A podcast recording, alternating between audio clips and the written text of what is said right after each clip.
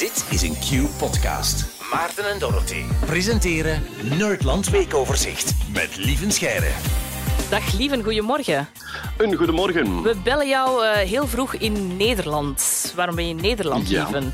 In, in Amsterdam. Hey. Ehm, ik heb ehm, vorige zondagavond heb ik gespeeld in Zwolle. En vandaag heb ik een lezing over artificial intelligence in eh, Amsterdam. Dus ik dacht, kom, ik maak er drie dagen Nederland van. En daarom eh, ben ik in Leuk. Amsterdam. Ja, Maar, maar heb je dan afgelopen zondag Vaderdag thuis wel nog kunnen vieren?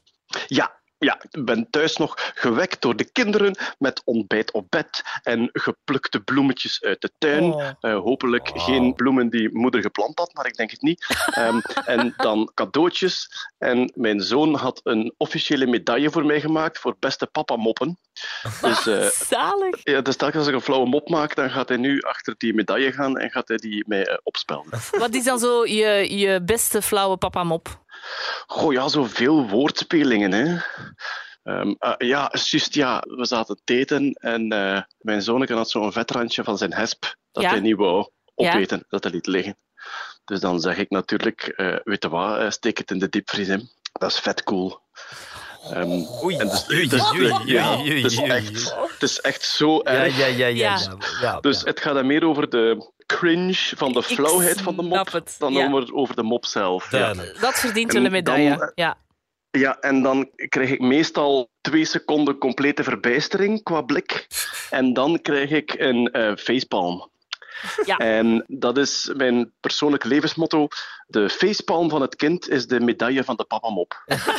dus zij, zij weten dat nu ook. En ze weten ook dat ze mij een immens plezier doen met een facepalm na een papamop. Waardoor ze dat ook heel expliciet doen om mij te plezieren. en dan loop ik over van vaderliefde, Oh. omdat mijn kinderen mij een dienst willen bewijzen met een facepalm. Ja. Waar gaan we het vandaag over hebben? Ah, om in het eh, vaderthema te blijven over eh, haarverlies. En Ah. een mogelijke oplossing door genetische manipulatie. Ja, ik zeg altijd, Haren Willis is een weg.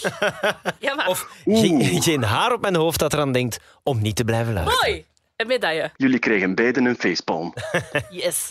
Ja, het is eh, iets waar al zo lang naar gezocht wordt en waar ook heel veel middeltjes die half of niet werken voor verkocht worden. Maar er is nu een nieuwe studie verschenen in het tijdschrift PNAS. En eh, het was een onderzoek van de Northwestern University, dat is eh, in Amerika. Wat hebben zij gedaan? Zij hebben haarverlies bij muizen kunnen terugdraaien door het gebruik van microRNA. Ehm, RNA, ik weet niet of de naam jullie nog iets zegt. Ja, zoiets als DNA, hè? Ja, inderdaad. Dus in onze celkern zit DNA. En DNA bevat allerlei recepten voor eiwitten die in onze cellen gebruikt moeten worden.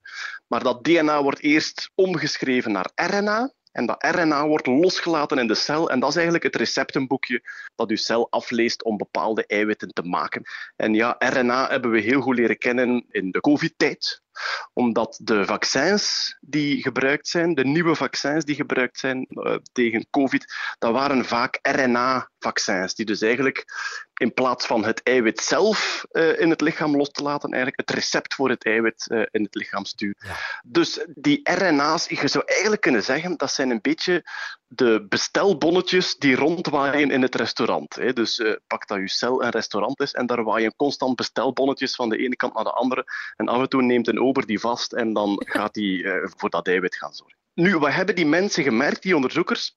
Haarfollikelcellen of haarfollikelstamcellen zelfs, die gaan op een bepaald moment niet meer flexibel genoeg zijn. Dus het zit echt in de soort structuur van die cel. Als die niet meer elastisch genoeg is, dan produceert die geen haar meer. En zij hebben dus het ehm, receptbonneke, zouden kunnen zeggen. Het receptbonneke dat de eiwitten produceert om de cel flexibel te houden, dat hebben zij geïdentificeerd. En dus wat is nu hun remedie tegen kaalheid? Dat is via microRNA, dus eigenlijk ehm, allemaal bestelbonnetjes loslaten in die cel. Zeg, maak eens wat meer flexibele eiwitten. En dan beginnen die dat eigenlijk te produceren en te reguleren. En dus in muizen, in muizen is het al gelukt om zo de haargroei eigenlijk terug te activeren. Het is heel omslachtig, maar als het werkt, is het wel een nieuwe manier eh, tegen kaalheid eigenlijk. Ja, zie jij een toekomst voor je waarin niemand nog kaal is?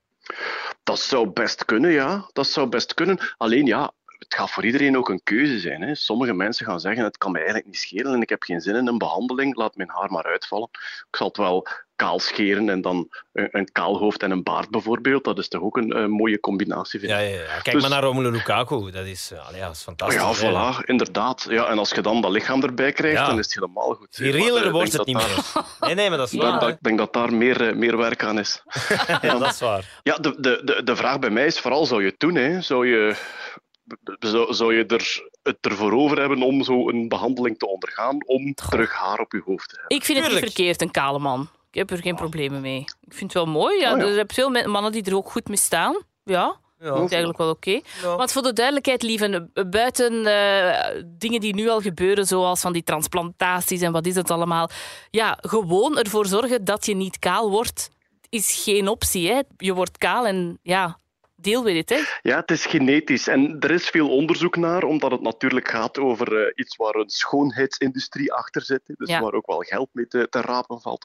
Ehm, maar ja, het is, het is genetisch. Het zijn eigenlijk die haarfollikels en die, die stamcellen die het opgeven na een tijdje. Ze zeggen soms wel eens, het is ofwel kaal ofwel grijs. Of dat helemaal klopt, weet ik eigenlijk niet. Eh, nu, ik hoop dat het klopt, want ik ben al eh, zeer enthousiast grijs aan het worden. Ja. Dus dat zou dan willen zeggen dat die, Voilà. dat die haartjes wel, eh, wel blijven staan. Ja. Dankjewel, lieve. Heel graag tot volgende week en geniet nog van Amsterdam. Dat zal zeker lukken. Doeg! Yo! Bye bye. Dit was een podcast van Q-Music. Wil je meer? Wil je meer? Kijk op qmusic.be.